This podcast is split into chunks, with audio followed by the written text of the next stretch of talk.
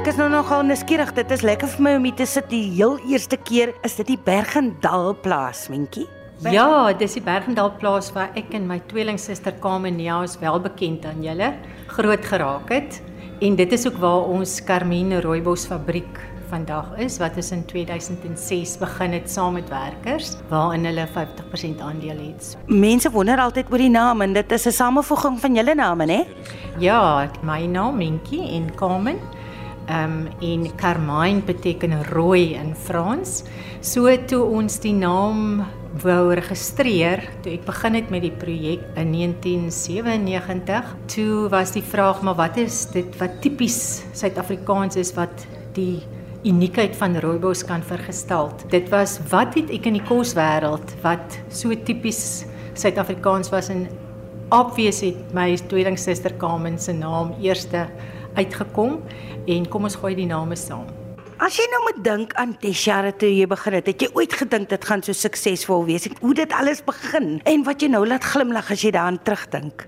Ja, mens kan nie help om te glimlag nie, maar ek dink nie mens begin iets met die idee dat dit nie sal suksesvol wees nie. Ek was baie realisties toe ek begin het want ek het geweet hierdie tipe projekte het maar 'n 5% slaagsyfer. So vandag amper 20 22 jaar later is mens baie dankbaar om wel 'n kommersiële suksesstorie te hê. Hmm. En dit is altyd vir my lekker om te verwys na iemand wat eendag op 'n stadium saam met my gewerk het en toe vir my gesê het: "Mentjie, maar hoe gaan jy ooit regkry dat rooibos seksie raak. Vandag is dit vir my soos dis nie eers meer relevant nie want die energie rondom die koppies tees wat ons maak by die fabriek en met ons produkontwikkeling wat elke koppie tee se eerste vereiste 'n lekker koppie tee is 'n tweede vereiste 'n gesonde koppie tee en 'n derde vereiste ons moet vir die wêreld gaan vertel van hoe lekker hierdie koppie is en hoe goed dit regtig vir jou is.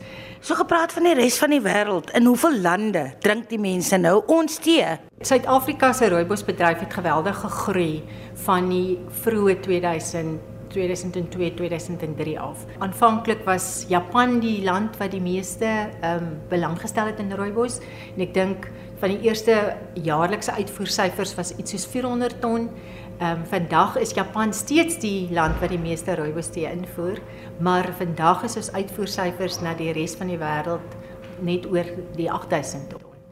Daar is 79 lande wat rooibos invoer waarvan die boonste 5 lande verteenwoordig ongeveer 75% van die totale uitvoere. So die res van die hoeveelheid lande het geweldig baie groei potensiaal nog. Ons het nog altyd gekies om net natuurlike geurmiddels te gebruik, maar ons doen toenemend meer en meer rooibos wat jy vermeng met ander kruie tees of mm. ander um, speserye. So dis letterlik die vermenging van rooibos as die basis en jy sit dan jou kamille tee by, jy sit jou ehm um, fennel by, jy sit jou aniseed by, jy sit jou hibiscus by, peppermint. Ons het seker 60 of na 60 na 80 aktiewe bestanddele wat in ons fabriek wat ons derentyd in in in voorraad het. En jou vermengings doen jy na gelang van dit wat jy die aktiewe en funksionaliteit wat jy vir daai spesifieke tee wil hê in terme van wat is die primêre funksie en gesondheidsvoordeel van daai spesifieke ehm um, kruie wat jy dan vermeng met rooibos saam met die gesondheidsvoordele van rooibos. Dan kan ons ook gesels oor groen rooibos, né? Nee? Ehm um, ja, groen rooibos is iets wat ons baie opgewonde maak. Ons het groen rooibos al in heelwat van ons rooibos mengsels en groen rooibos het outomaties meer antioksidante as gefermenteerde of dan nou rooi rooibos want die antioksidante wat in die proses gebruik word om rooibos te laat fermenteer en rooi te laat raak is nie daai verlies aan antioksidante as jy dit dan so wil noem is nie in die proses van groen rooibos nie.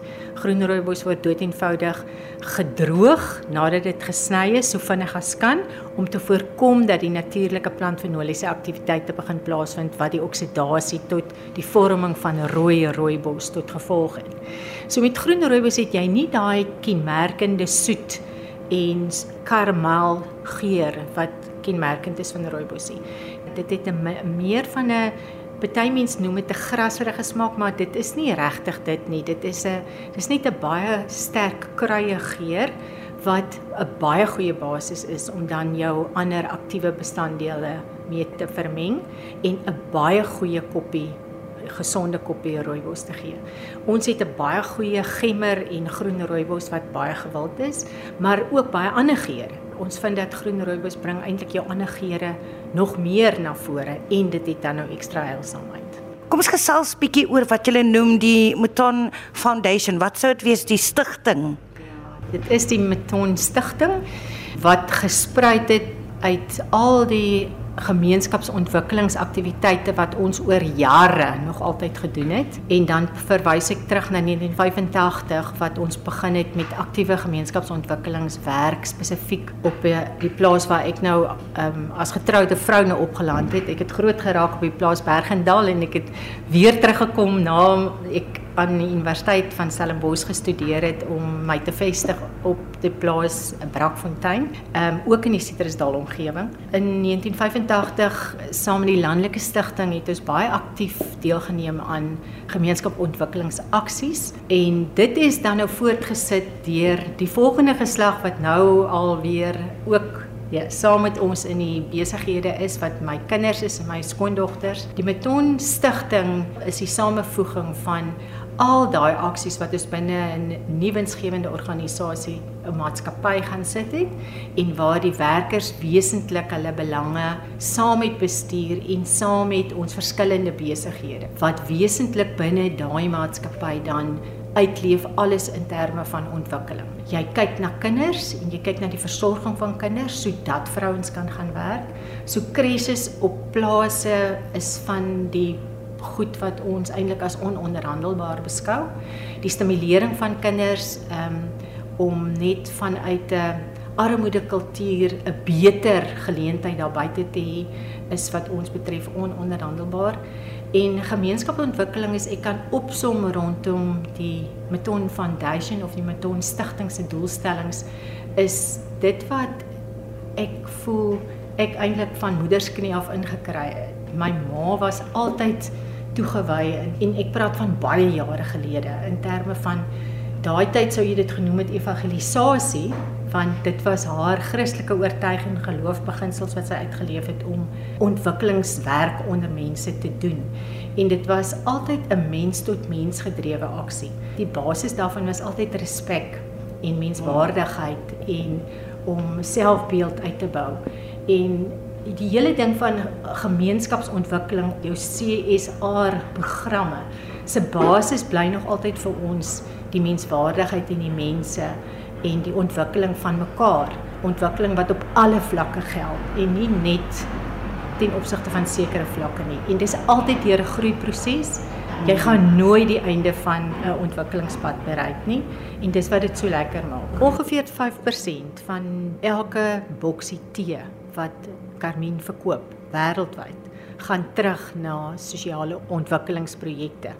Het sy dan via die Meton Stichting of dan ook via Bergendal Werkers Trust wat ook 'n ontwikkelingsarm is. Die waarde daarvan word dan vir almal toeganklik en dat dit almal deur die bank bevoordeel en op daai manier mense aan mekaar vasmaak met goeie harte.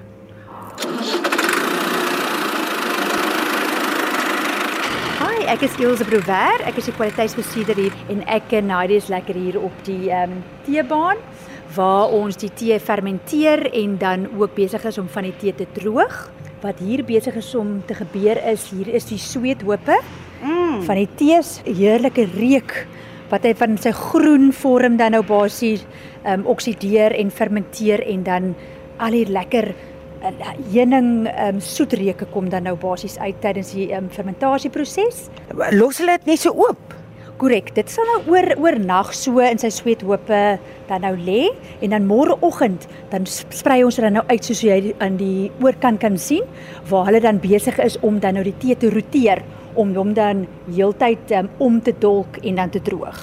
Daai proses is so 8 ure, so hy sal môre um, so môre of vanaand is 'n kans dat ons daai teer nou kan optel. Baie belangrik ook dat jy 'n peskontrole 'n maatskappy ook aan boord het wat elke maand kom kyk dat ons fasiliteit skoon is en dan op 'n daaglikse basis um, sal ons die sal ons die oppervlak, die sementoppervlakte dan op basies vee. Dis eintlik 'n wonderlike natuurverskynsel wat hier gebeur. Uit die mense van hierdie omgewing, jy kry nog teemakers wat daai intelligensie en daai ehm um, amper die geheime vir jou leer om, om tee te maak. Ja, en daai geheime gaan jy seker ook nou nie met my deel nie. Kan jy vir my iets sê oor hierdie vars geplukte rooibos? Dit lyk amper soos 'n plantgras, maar dit is 'n kruie, natuurlike um, uh. fynbos in die area. Hierdie was nou vroeg vanoggend gesny. Ons probeer hom so vroeg in die oggend te sny. Jy kan sien hy raak nou al bruin, hy begin nou al te oksideer en te fermenteer. Jy sny 2/3 van jou plant af en jy mm. los dan nou die res dan nou basies vir hergroei elke jaar. So dis tydens die fermentasieproses wat wat die heerlike heuning en die soetreuke dan begin uitkom. Wat is Mentjie Meton se teedrome? Die wonderlikste van waar ek vandag sit is om te weet dat daar's 'n baie groter span as ek self. Mense hou nooit op droom nie. Om terug te kan kyk en werklik te kan weet dat jy bygedra het om 'n produk internasionaal te vestig ooreenkomstig die inherente waarde en ehm um, te help om daai waarde uit te bou en die waarde daarvan terug te bring na die primêre produsent wat ook dan met al die mense wat saam met daai primêre produsent elke dag arbei en werk om rooibos te produseer en te verwerk dat daai waarde en die waarde toevoeging tot almal se voordeel is. Bly die begin van die visie wat ek gehad het en dit sal altyd deur die droom wees wat nooit sal einde kry nie want jy sal altyd net groei.